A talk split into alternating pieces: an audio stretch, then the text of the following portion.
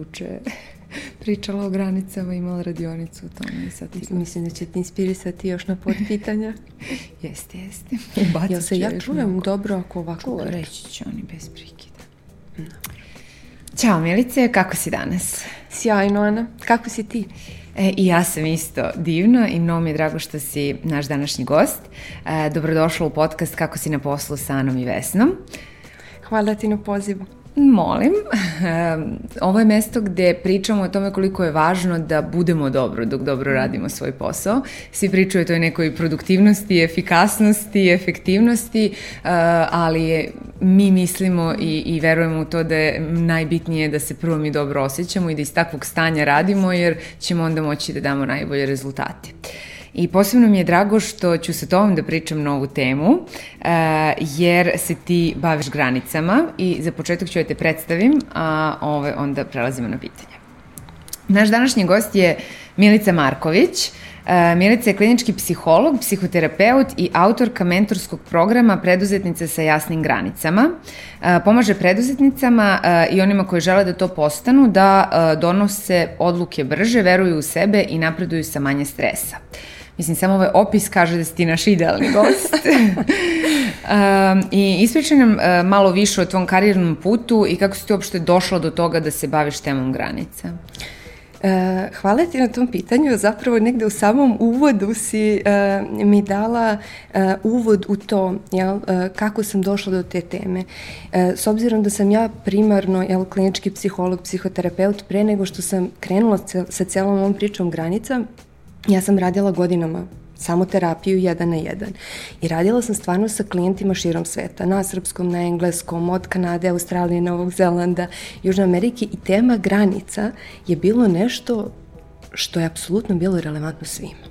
I ono što sam primetila, s obzirom da sam radila sa ljudima zaista različitih kultura, religija, e, socijalnog statusa, različitih finansijskih primanja, da negde i kad smo uspešni, to nije dovoljno da nije dovoljno imati taj uspeh, nego imati s kim da ga slaviš i da li si ga ostvario, a da si negde zadržao zdravlje i odnose.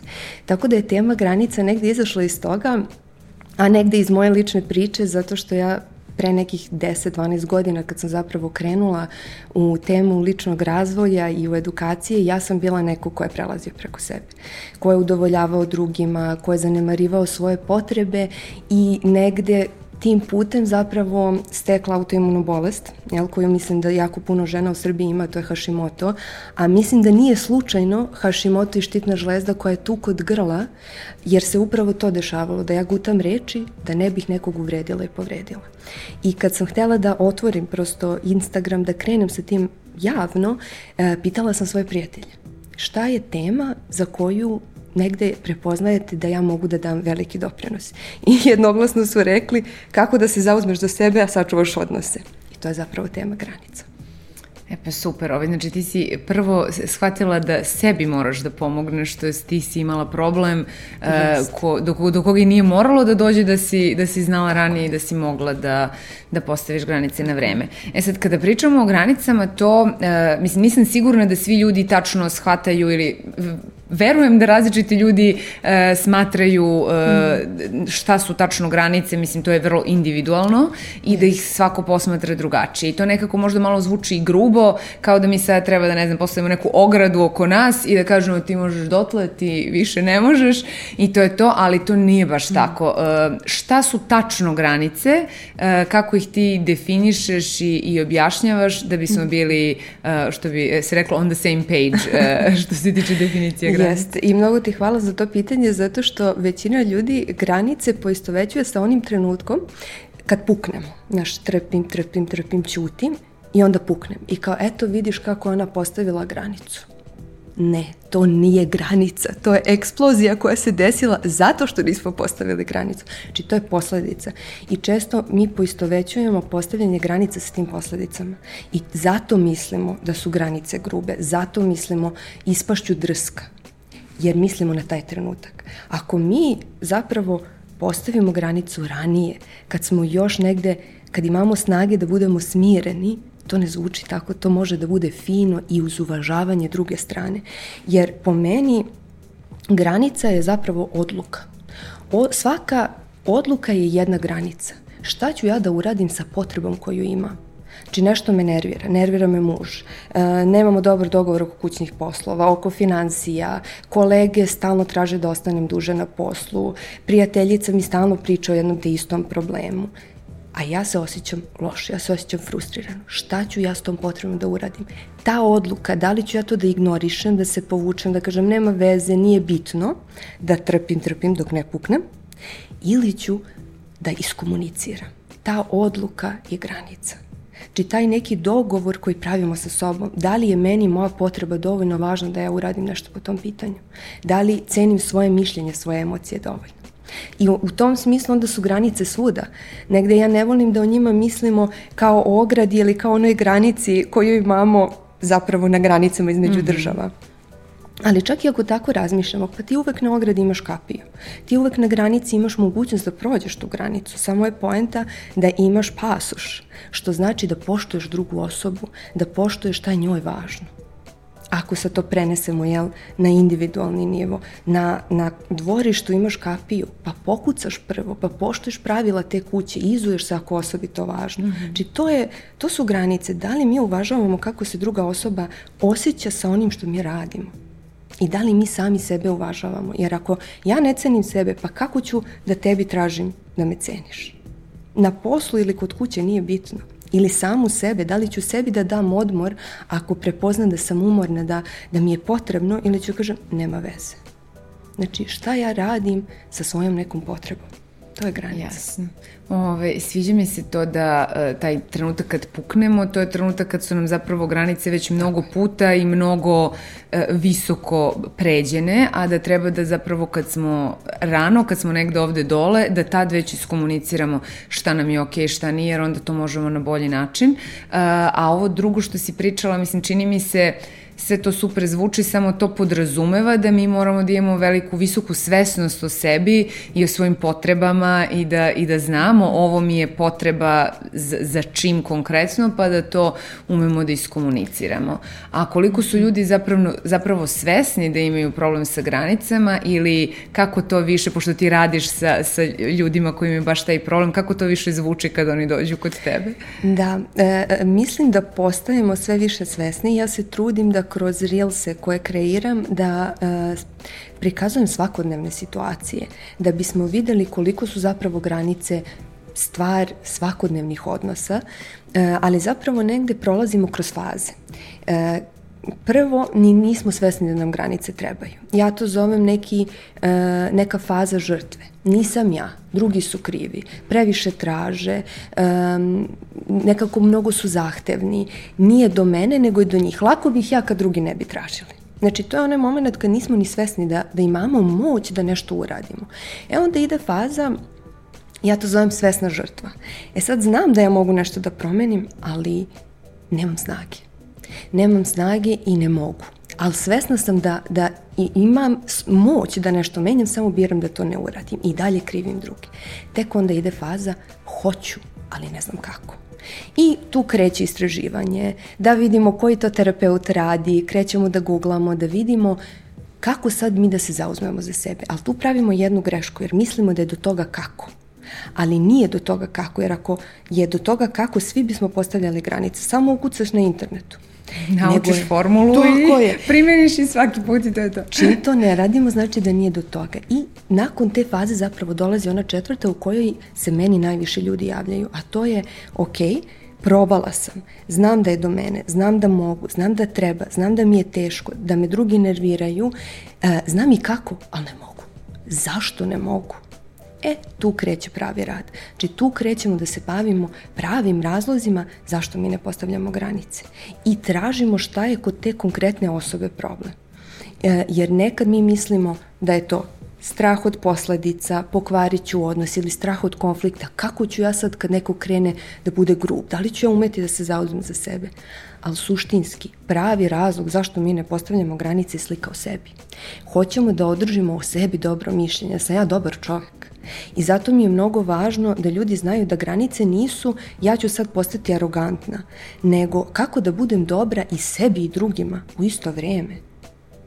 Jer ako uh, krenemo od toga granice će me učiniti arogantnom, sebičnom, pa nećemo ih postavljati jer nam je važno da sebe vidimo u dobrom svetlu. Tako je, a mislim ne može da, da, da, da budemo dobri i sebi i drugima, ne možemo da budemo dobri uh, ako, ako nismo, nismo da, ako nismo kad, pre svega. Kad tvoja čaša preliva, onda ima za sve. Mhm. Mm Jasno. A reci mi šta još budu uh, razlozi, sa kakvim nekim konkretnim uh, problemima uh, ljudi dođu? Kako zvuči to nemanje granica? Mm -hmm. Ti sama kažeš da ih u rilovima često, uh, često glumiš da. i ja uživam da te gledam, uh, ali možda da nam daš nekoliko primera uh, mm Aj, to, to ću imam i pod pitanje, ali neću dva odjedno. Da, ra razmišljam šta sam sve snimala. Aha. Znaš, ono, od svakodnevnih situacija, da li e, u banci ili u pošti, da li je neko me isekao i otišao, stao ispred mene u redu, do toga da li svaki dan ostajem prekovremeno na poslu i želje da budem kolegijalna, e, preko toga e, kako kod kuće funkcionišemo, da li sam ja ta koja sve završava, da li se svi oslanjaju na mene ili se nekako dogovaramo, pa mogu, može muž i deca nešto da preuzmu, e, do situacija sa prijateljima, na primjer žene koje imaju svoje biznise, koje su jel, preduzetice, privatnice, ono što bismo mi mhm. rekli, mm -hmm. da li mogu da postavim cenu koja je adekvatna za taj svoj rad, da li ga ja cenim dovoljno, e, preko toga da li ga dajem besplatno ako mi je neko blizak, a osjećam se loše sa mm -hmm. tim. Znači to su zaista ono svakodnevne situacije od e, privatnih do, do poslovnih. Mm -hmm. I to su znači one situacije kada mi nešto pristanemo da uradimo zato što mislimo da ćemo biti dobar radnik, dobar čovek ako to uradimo, ali zapravo se osjećamo da Osjećamo nam se to ne radi, da nam je previše, da nije u hmm. redu što to radimo stalno, da ovo nije okej, okay, ali to ne iskomuniciramo, nego ja to svaki put I e, mislimo, čutimo, gutamo. trebalo bi da znaju. Kako je, zašto misle da je okej okay da mi iznova pitaju? Jel moguće da treba da kažem klijentu da mi ne piše u 10 uveče? Pa da, zato što tebi smeta. Onaj kojem smeta je onaj koji treba da menja. A moguće je da taj klijent uopšte nema očekivanja od tebe da mu odgovoriš tako kasno, nego je u to vreme dostupan i stiže da ti odgovori na mail. Ako ne komuniciramo, mi mislimo da nam neko nešto radi namerno. I tu samo da ne preskočimo, pošto si rekla jednu važnu mm stvar, osjećamo se loše. Ista situacija može da bude e, granica koja je zdrava i koja nije zdrava u zavisnosti toga da li se osjećamo. Ti možeš, na primer, da neki svoj proizvod pokloniš besplatno nekom i da budeš ok sa tim. Jer u tom trenutku je to bila tvoja potreba. A možeš isto to da uradiš mesec dana kasnije se osjećaš iskorišćeno. Znači, nije, ne postoji recept šta je uh, u svakoj situaciji ispravno, nego je bitno da čujemo sebe, šta je meni okej. Okay u kontekstu ove osobe, u kontekstu ovog odnosa, e, ove, ovog, ove faze biznisa, nekako i cena je jedna vrsta granice. Da li ću u ovom trenutku postaviti ovu cenu može da zavisi od toga koji su mi planovi, koji su mi ciljevi za ovaj biznis model, za ovu fazu biznisa. I već u sledećoj to mogu da menjam. Mm -hmm. Jasno, mislim i to je vrlo individualna stvar i vrlo se menja shodno Jasne. kontekstu i shodno uh, i ljudi sa kojima sarađujemo i uh, od toga kako se, na kom, na kom smo mi mestu. Tako je. A reci mi kako su povezane granice i burnout? Mislim, dala si jako. par primjera s posla, ali... Jo, razmišljala da sam, podelit ću sa tobom jedan primer, dok sam još radila u firmi, sad sam već dugo vremena sama svoj šef, tad nisam bila I ovo što sam ti rekla ranije, da zapravo pravi razlog zašto granice ne postavljamo jeste to što hoćemo da mislimo o sebi dobro.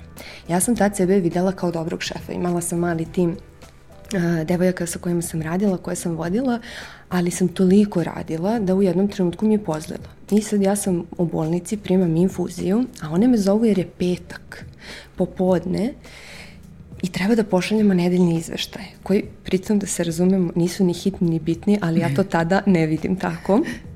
Ja se javljam na telefon i uredno prolazim izveštaj sa njima, a ona medicinska sestra me gleda kao sine, neće tebi pomoći ova infuzija, samo što nije rekla pomoći će ti bolje granice.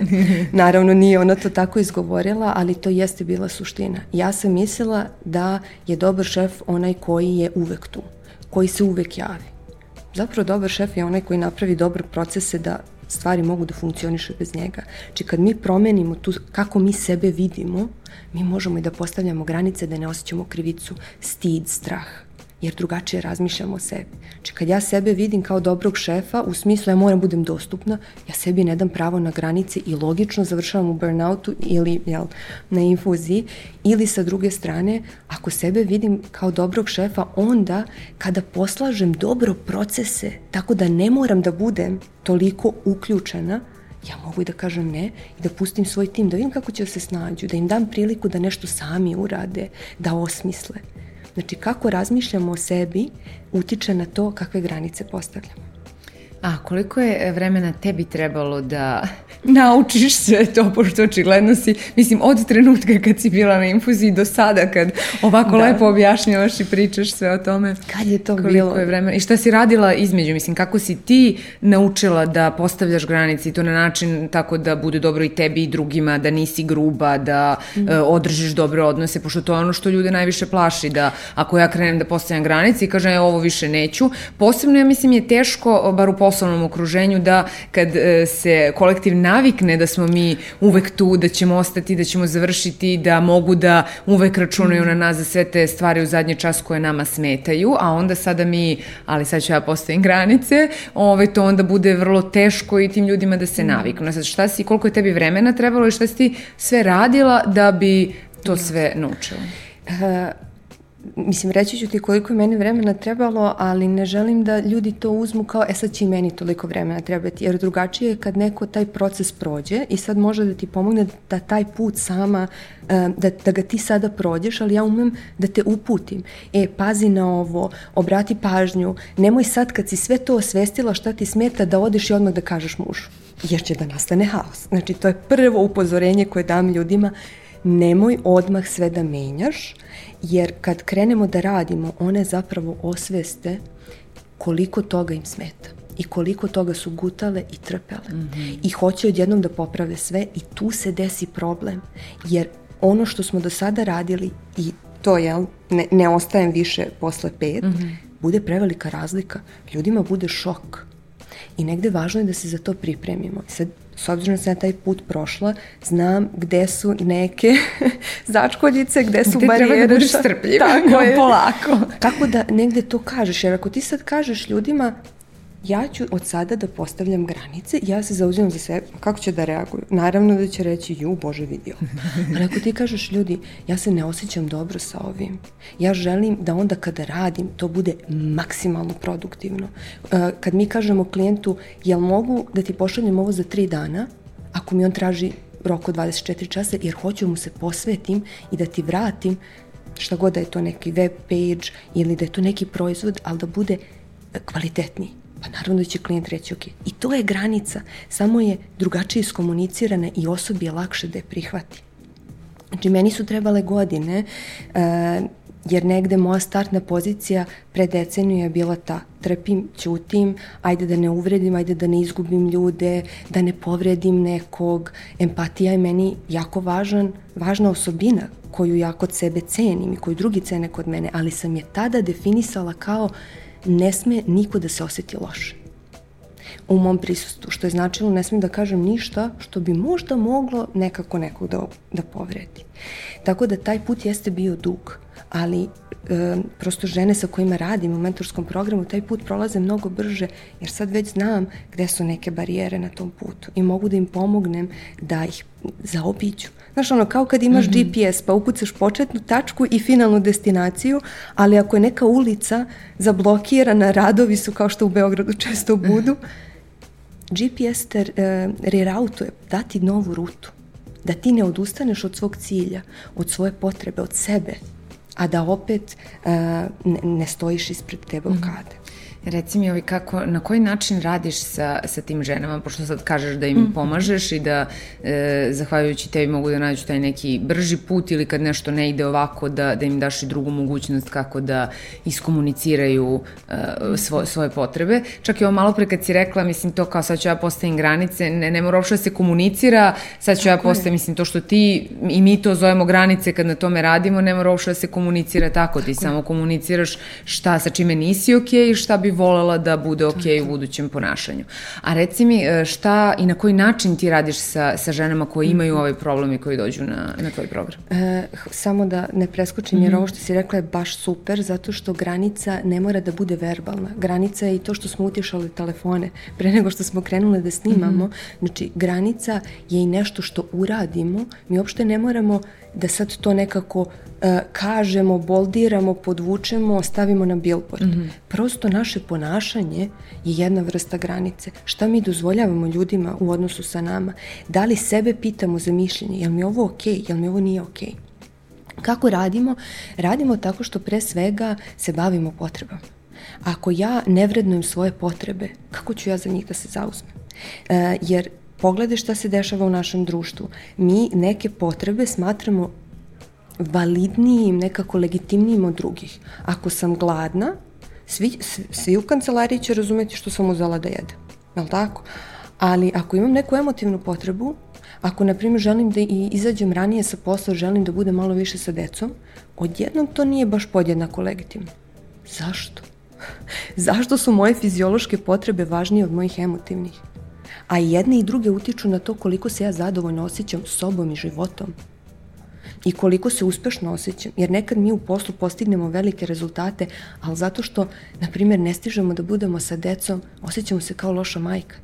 I opet taj osjećaj uspeha nije celovit. E u tom smislu bavimo se potrebama. Kako ja sebi da budem dovoljno važna, da tražim način kako da tu potrebu iskomuniciram uz uvažavanje druge strane. I za svakog će to izgledati drugačije. Znaš, negde proces je sličan, ali su okolnosti drugačije. Neko ima decu, neko nema. Neko radi svoj posao, sam je sebi šef, neko radi u firmi, pa su potpuno drugačije okolnosti.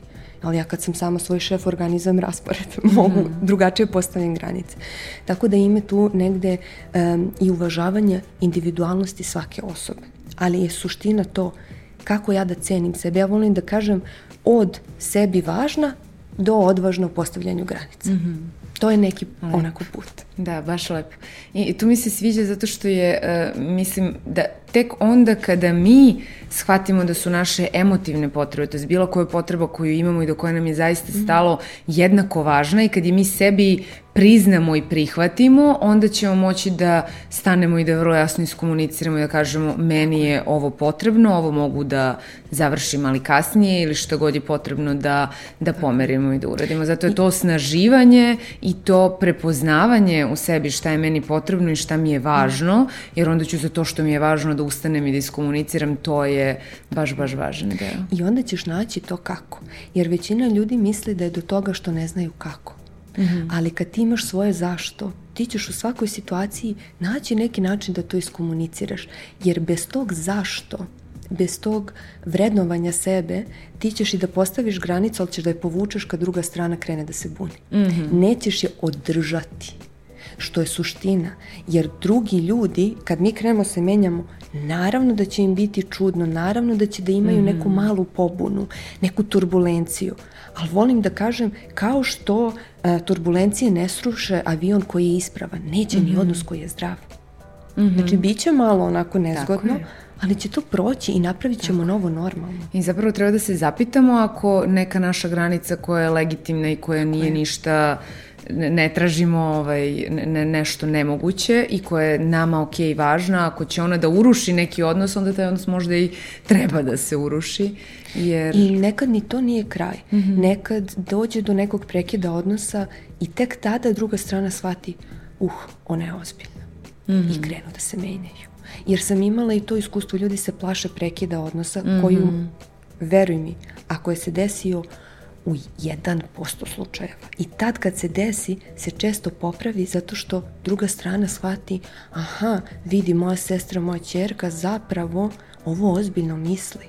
Nije neki hir, nije neka njena, mm -hmm, neki kapric, faza, da. nije faza.